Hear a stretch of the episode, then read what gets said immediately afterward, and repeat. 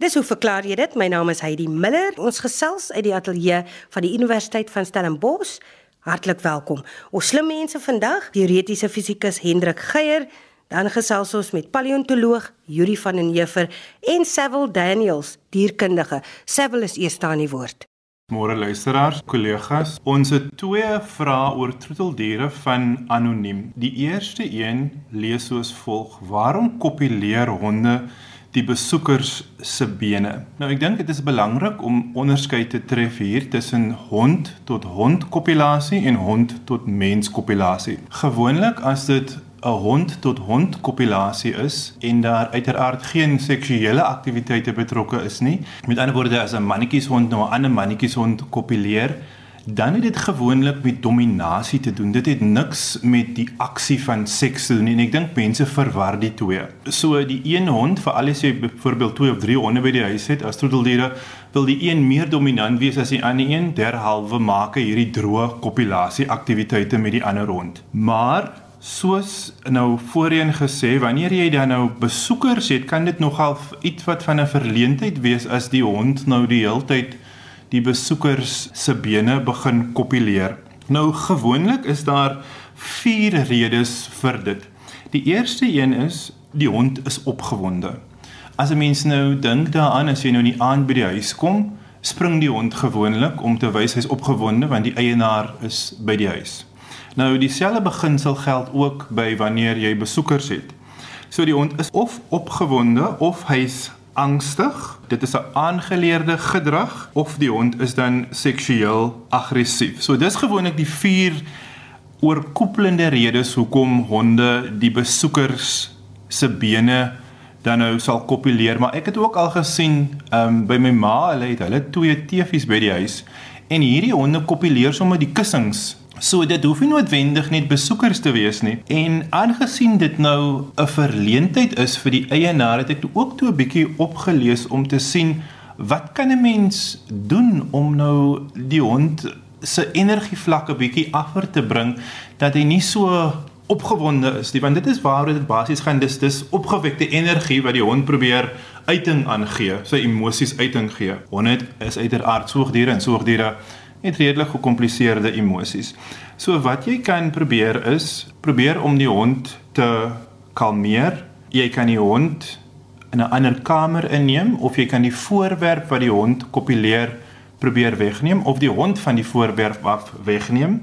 Maar jy kan ook as jy nou 'n paar sente het, probeer om die hond ehm um, gedragsterapie te gee waar die hond dan nou met 'n spesialis sal werk om hierdie gedrag te probeer afleer want wat jy werklik basies wil doen is jy wil sien dat die hond se energievlakke laag raak en jy sal ook sien wanneer die hond kalm hanteer en hom net vashou dan sal hy minder geneig wees om hierdie kopulasie aktiwiteite te beoefen. Hulle bewys in literatuur dat mettertyd as jy dit gereeld doen en net kalm is, dat die hond die gedrag stop. So daar is 'n moontlikheid dat jy die gedrag kan afleer by die hond. So luisteraars wat nou honde het wat sulke vreemde aksies maak by hulle besoekers, ehm um, daar is wel hoop. Die tweede vraag is ook van anoniem. Hoekom eet die kat toiletpapier? Is 'n vreeslike interessante vraag. Dis een van daardie klassieke wat mense nou in Afrikaans noem eetversteurings. As mense dink aan eetversteurings by mense, dan dink 'n mens nou aan siektes soos bulimia byvoorbeeld, maar hierdie eetversteurings, se wetenskaplike naam is pica en dit is gewoonlik wanneer soogdiere voorwerpe eet wat geen voedingswaarde bevat nie. En 'n mens kry dit ook by mense, byvoorbeeld mense wat ysblokkies eet of sand eet.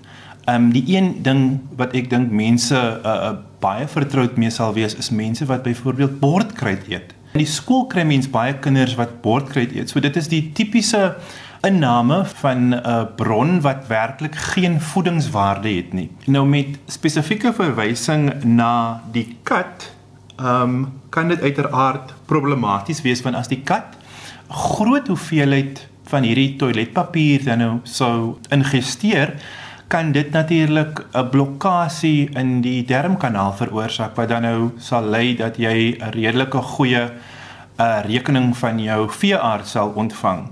Maar dit kan ook wees as gevolg van diabetes, 'n uh, mineraalgebrek, dit kan wees as gevolg van leukemie, dit kan ook wees as gevolg van 'n breintumor byvoorbeeld wat teenwoordig is by die kat. So die beste antwoord vir die kat wat die toiletpapier eet is om die kat maar na die veearts toe te neem aangesien dit tog wel um sekere neeweffekte kan hê op die dier se spysverteringskanaal. Maar net soos by die hond wat die gaste se bene kopuleer, kan 'n mens ook natuurlik net probeer om die kat weg te hou van die toiletpapier. Maar nou het ek ook 'n bietjie gedink oor die vraag. As 'n mens nou dink aan toiletpapier, toiletpapier is gewoonlik rond, so as die toiletpapier op die grond byvoorbeeld sal rol, kan 'n mens ook dink dat dit nou instinktief 'n jagreaksie by die kat sou ontlok. So dit is 10 teen 1 in my opinie hoekom die kat agter die toiletpapier aan is want dit beweeg en omdat dit beweeg of dit rol wanneer dit nou op die op die rolletjie is daar langs die toilet het die kat nou die geneigtheid om te speel met dit maar ek dink wanneer die kat groot hoeveelhede van dit eet dink ek dit is sinvol om die kat dan liewer na die veearts te neem en te probeer uitvind wat is die probleem want dit kan aanduidend wees van groter fisiologiese probleme wat die dier ervaar soos siektes en so voort byvoorbeeld. Baie dankie aan Sewil Daniels. Hendrik gee wil vir ons iets verduidelik oor 'n brief wat jy gekry het oor die planeet Nibiru. Goeiemôre Heidi, uh, kollegas, uh, luisteraars. Die die brief is 'n is 'n e-pos wat ons ontvang het van Loumon Rautenbach van Maagheid en hy skryf van sy ma uh, wat hom gewaarsku het teen wat hy beskryf as 'n dreigende Armageddon en haar raad was dat hy kosvoorraad moes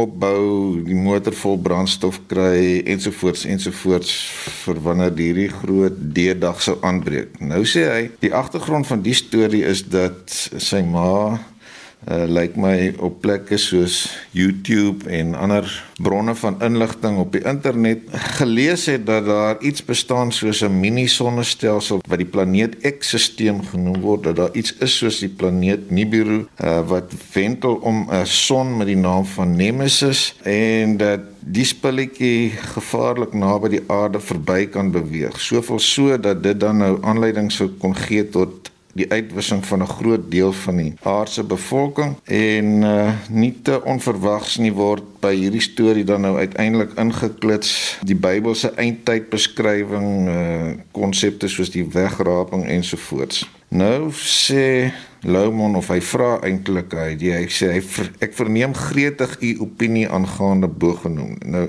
ek's nie heeltemal seker of Loumon nou hierdie so bietjie tong in die kies vra nie en Ek neem aan hy het dit met toestemming van sy ma gedoen, maar kom ek probeer die storie vertel. Uh dit is natuurlik nie die eerste keer in die geskiedenis dat Armageddon in die oordeelsdag aangekondig word nie. Uh dikwels met dag en datum. Aan die ander kant is ons almal lewendige bewys daarvan dat al hierdie voorspellings sover die pot misgesit het en ek sou sê daar's goeie redes om te verwag dat dit in hierdie geval met die agtergrond wat uh, Lemon nou gee uh, inderdaad weer die die geval is. So om die storie te begin, uh, moet ek miskien net iets sê oor die drie idees van planeet X, van planeet Nibiru en die son Nemesis.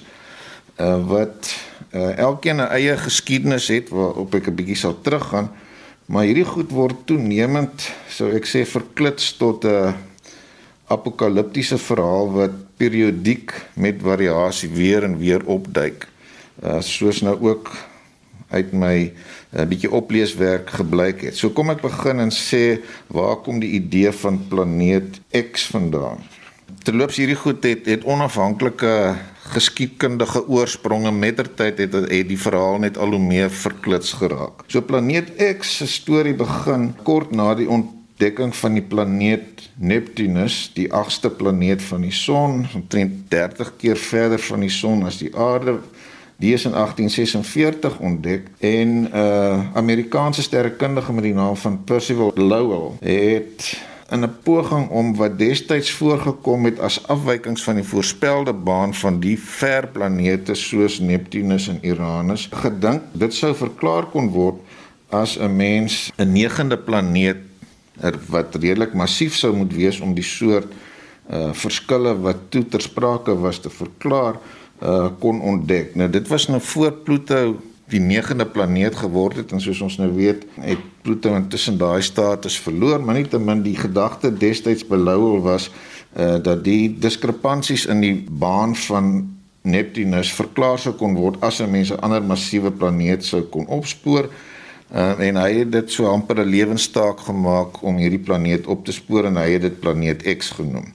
Nou niemand het nog planeet X gekry nie, maar baie jare later, om die waarheid te sê in 1976, het ene Zakaria Sitchin 'n boek geskryf met die naam The 12th Planet. Nou miskien moet ek net verduidelik waar die titel vandaan kom.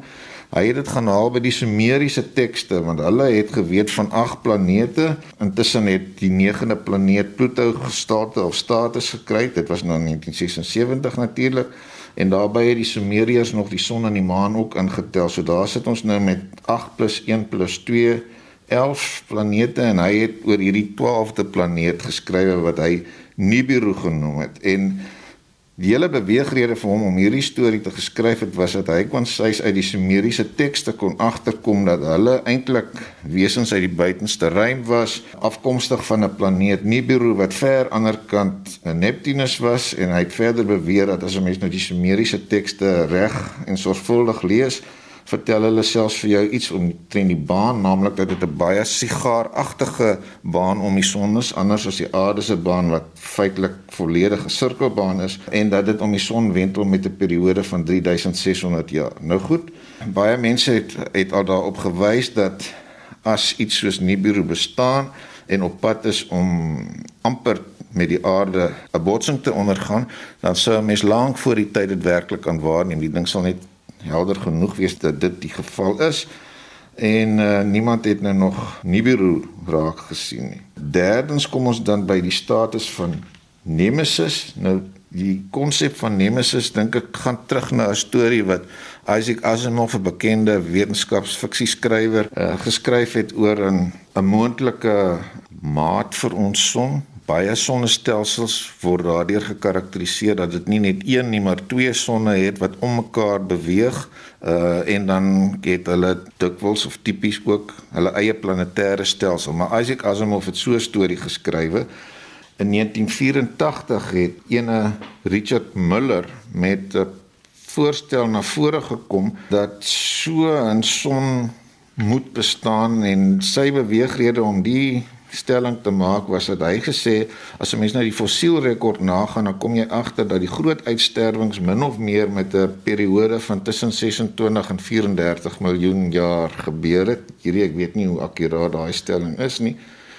Maar uh Nemesis sou dan daarvoor verantwoordelik wees om op die plek waar die meeste komete gebore word, dit wil sê in die sogenaamde oortwolk ver buite ons eie sonnestelsel waar daar allerlei ysagtige voorwerpe is en komete kom inderdaad uit daai omgewing wanneer daar vir verskeidenheid van redes 'n aksie van swaartekrag is wat so 'n komeet uit daardie omgewing uitslinger en dan onder die invloed van die son dan uiteindelik in ons eie sonnestelsel inbeweeg. Nietemin Uh die idee was dat hierdie nemesis sou periodiek deur die oortwolk beweeg en dan sou dit nou konsternasie tussen hierdie ysagtige voorwerpe bewerkstellig soveel so dat sodra dit gebeur het dat 'n skerp toename sou wees in die aantal komete wat uiteindelik ons sonnestelsel binnendring en daai komete sou dan uh, wanneer hulle letterlik met die aarde bots soos ons wel weet gebeur het in die geskiedenis van die aarde,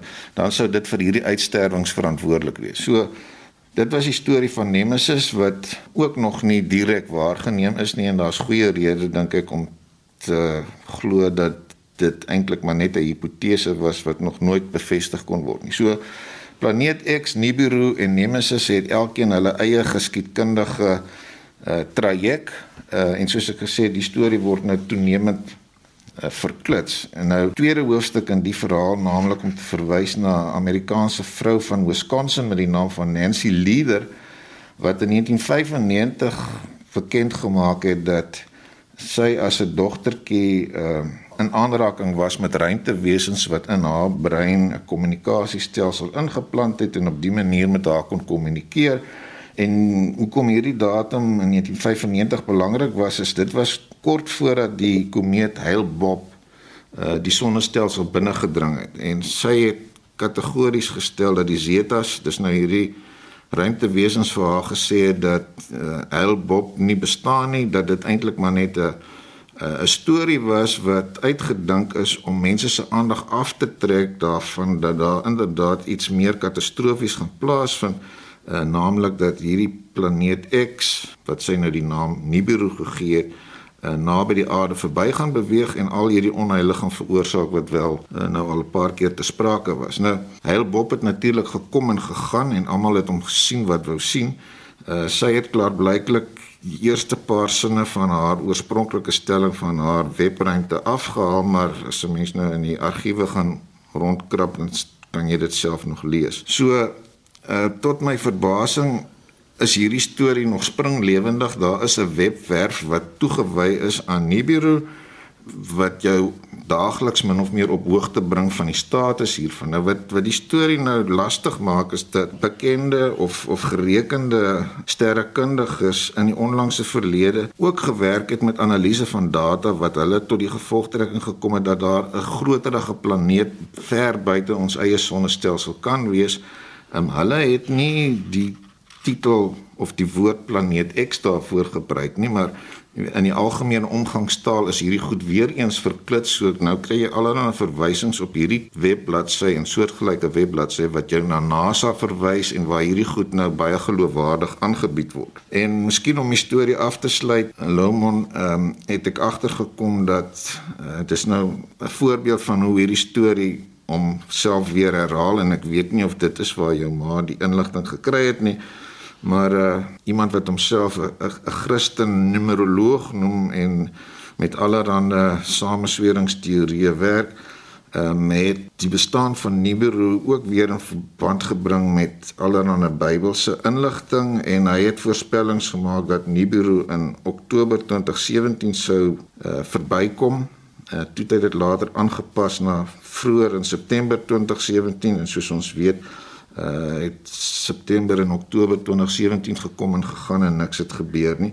Hy het terloops destyds aangevoer dat die dat die sonsverduistering wat in Augustus 2017 gebeur het, uh 'n voorloper was van die onheil van die naderende Nibiru. So kortom, uh Lomon al hierdie goed lyk vir my is maar stories wat mense vir verskillende redes die wêreld instuur. Ek weet nie of dit deesdae dikwels is vir geldelike gewin nie.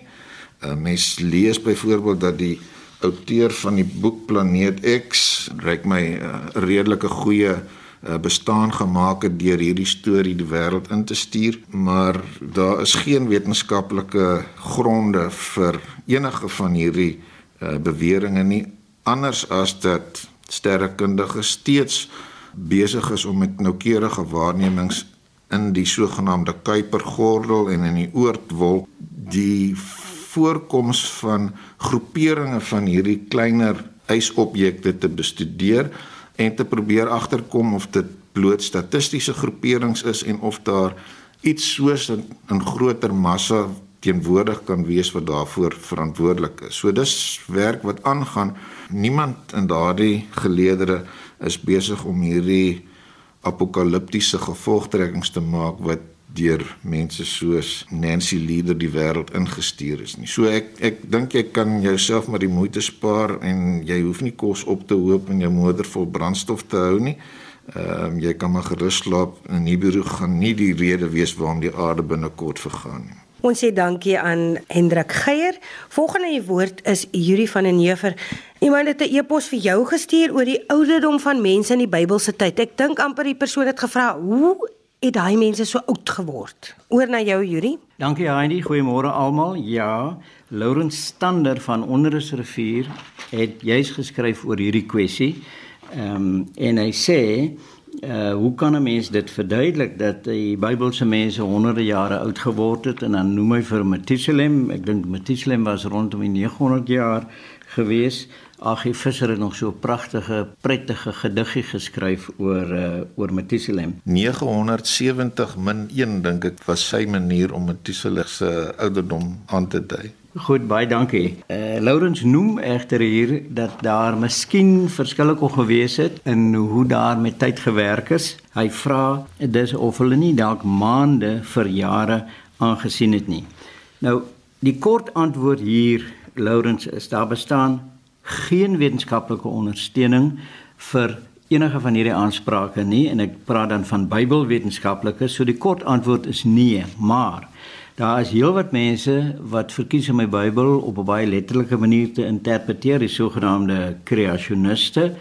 Ehm um, en hulle glo verkeerder dat alles wat in die Bybel staan, uh die letterlike waarheid is.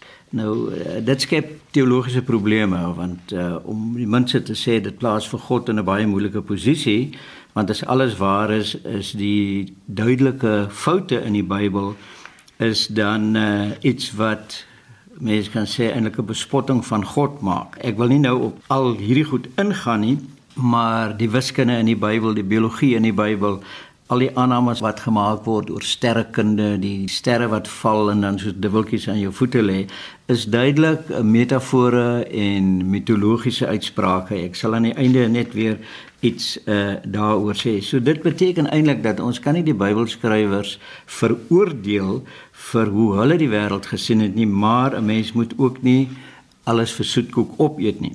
Nou Bybelwetenskaplikes noem verskeie redes hoekom ons hierdie verskynsel het. En eh, die eerste een is dat daar kan foute met die vertalings plaasgevind het want daar was baie vertalings van die Bybel en dit dit bring natuurlik die kwessie van maande vir jare weer op, maar as jy seker van hierdie ou mense nou gaan sy ouderdomme deur 12 gaan deel om nou die regte getalle te kry, dan was hulle baie jonk geweest toe hulle hulle eerste kinders in die soort van goed gehad het. So dit is al oorweeg hierdie kwessie van die maande en die jare.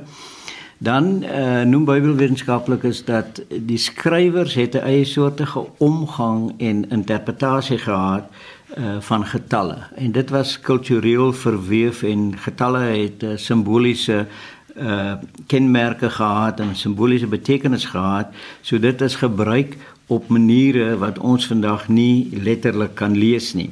Uh dis vandag moontlik om menslike geraamtes op te grawe, ou menslike geraamtes en dan deur middel van wetenskaplike ondersoeke op die skelet kan die ouderdom uh van so 'n persoon redelik naby bepaal word en daar's niks wat daarop dui dat sulke hoë ouderdomme bereik kon word nie.